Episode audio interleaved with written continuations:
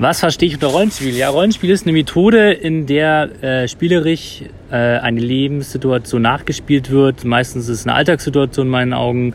Ähm, darum geht es, dass Probleme und Konflikte nachempfunden werden oder so zugespitzt dargestellt werden, dass man daraus was lernen kann.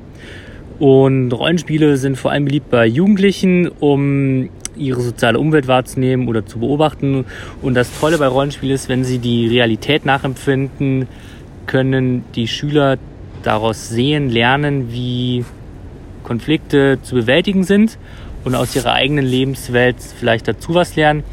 Ja, was würde ich denn gerne für eine Rolle übernehmen? Ich würde die Rolle eines Aufklärers sein, das heißt jemand, der erklärt, wie man etwas besser machen kann und glaube, das würde ihm ganz gut taugen.